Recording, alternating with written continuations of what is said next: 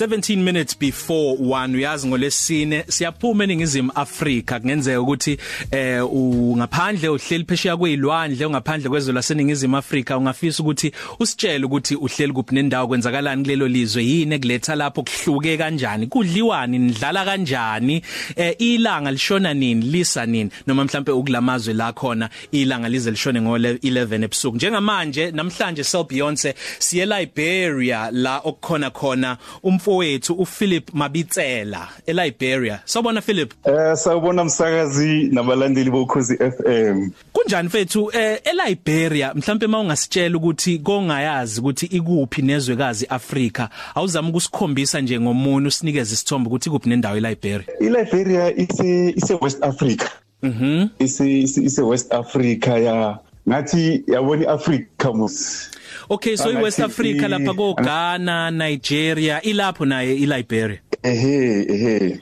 Okay. Ikhona ngalapho ngempela. Yini ke wena ekuhambise waye Liberia mfethu? Eh ukuza ngala ngize ngomsebenzi umsebenzi muni? Ngize ngomsebenzi eh ngisebenza as paramedic Oh okay. Uyazi ukuthi sike saba naye omunye oyi paramedic eh umalusi mthetho yena uyi paramedic Australia. Ngitsheleke ngabe imisebenzi yama paramedic kusetshenzwa kangcono mawuphuma eningizimu Afrika? Eh ya ngempela into ekhona ukuthi kunokuhluko kwi-industry eh ezansi as compared to international markets. Kuba ngathi kuba ngconyana ngaphandle. kanjalo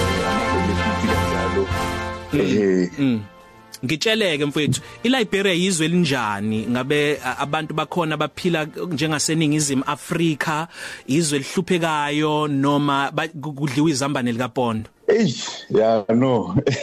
Hayi kuraphu la ngaphandle. Well iLiberia I find iSouth Africa. Eh ngathi isemuva kancane nje ngento eziningi nje infrastructure eh the way abantu baphila ngakhona into eziningi nje basesemuva kancane. Mm. so far into ngase ngibonile. Oh all right. Eh, inkolo awusitshele ngenkolo mhlawumbe izwe libusa ngenkolo ethile nawe njengoba ukhona uphoqelekile ukuthi ezinye izinto uzenze ngenxa yaleyo nkolo. Awa no ku free abantu ba bayenza izinto eba eba free ukuzenza nje.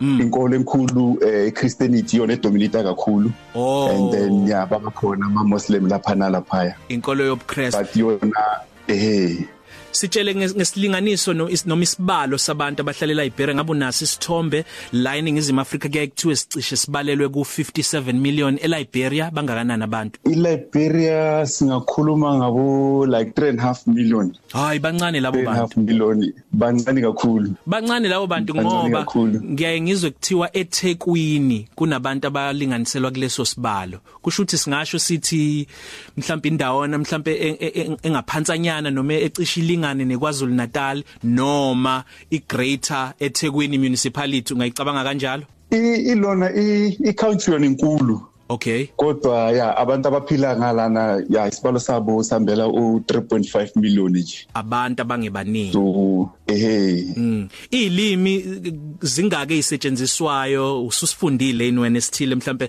akhona lawo ma basics amancane lokulula okwazi ukubingelela uvalelise u- u- ubuza into ethile ukuthi kiwa ngapi mawufuna ukuya lapha ya? Eh ilimu lana akhona awu4 asingababalela ukuthi akhulunywa the whole country eh medium of ilona iba i- English yona i medium ye- yo communicate Oh but akhona amalona sekhaya awu4 and eh, aswatholi aswatholi azange since ngifika la azange ngizwe abantu bakhuluma ngalawo malimi lawo eh English nje yona eh bakhuluma ngayo Yeah so Beyonce. Philip kunjani usal Beyonce lo? Um lalela ke oh, ake size ke manje ke ngendaweni le la ukujuxuzwa khona ebumnandini la abantu mhlawumbe bephola khona be- be- be- behlisa stress makade besebenza isikhathi eside mabeholile befela njengathi imali ingenele izolodala bayapi oh? Hey yabona idolobha engisebenzela kulona idolobha lasemakhaya. Eh hey azikho lezo zinto. Azikho nhlobo nje. Abantu angibazi ukuthi benzani. Hayi ilamadolobha lase asemakhaya la. Eh. so thina sihlala semsebenzini nje. Ay asitholi leso sikhathi ukuthi maybe siphume We. bona ukuthi kwenzakalani ngaphandle njalo. Hayi akuyona ke yami ke leyo. umlando Philip was wasebini ngeke balungi um, umlando wase Liberia usitshele mhlambe ngezinto iLiberia seke zenzeka oke kuthiwe mhlambe makunosuku olithile kubungazwa bani mhlambe usuku lwenkululeko idume ngani futhi iLiberia? iLiberia well so far ngilana usuku nje ongibonile ba celebrate bekusuku le independence a week ago beba celebrate uh, independence of Liberia Oh. 172 years yeah Okay. independence from iAmerica Oh all right. Okay, ake sikhulumeke manje ngezezimali wePhilip. Em uma ngithi ngiphume no 100 rand la eningizimu Afrika ngiyothenga isinkwa, ubisi, nephephandaba, lezo zinto nje ezimbalwa ka 100 rand. Uma ngi- ngise Liberia kufanele ngibe namalini ukuthi ngithenge lezo zinto nje ezincane engikhava ngazo endlini mangiphuma nje. hey yabona indaba zemali. Hey ya sifike lana sasinenkinga kakhulu. Eh ngithi ngiyothenga lapha ngithi ngithenga into encane bangitshela ukuthi no.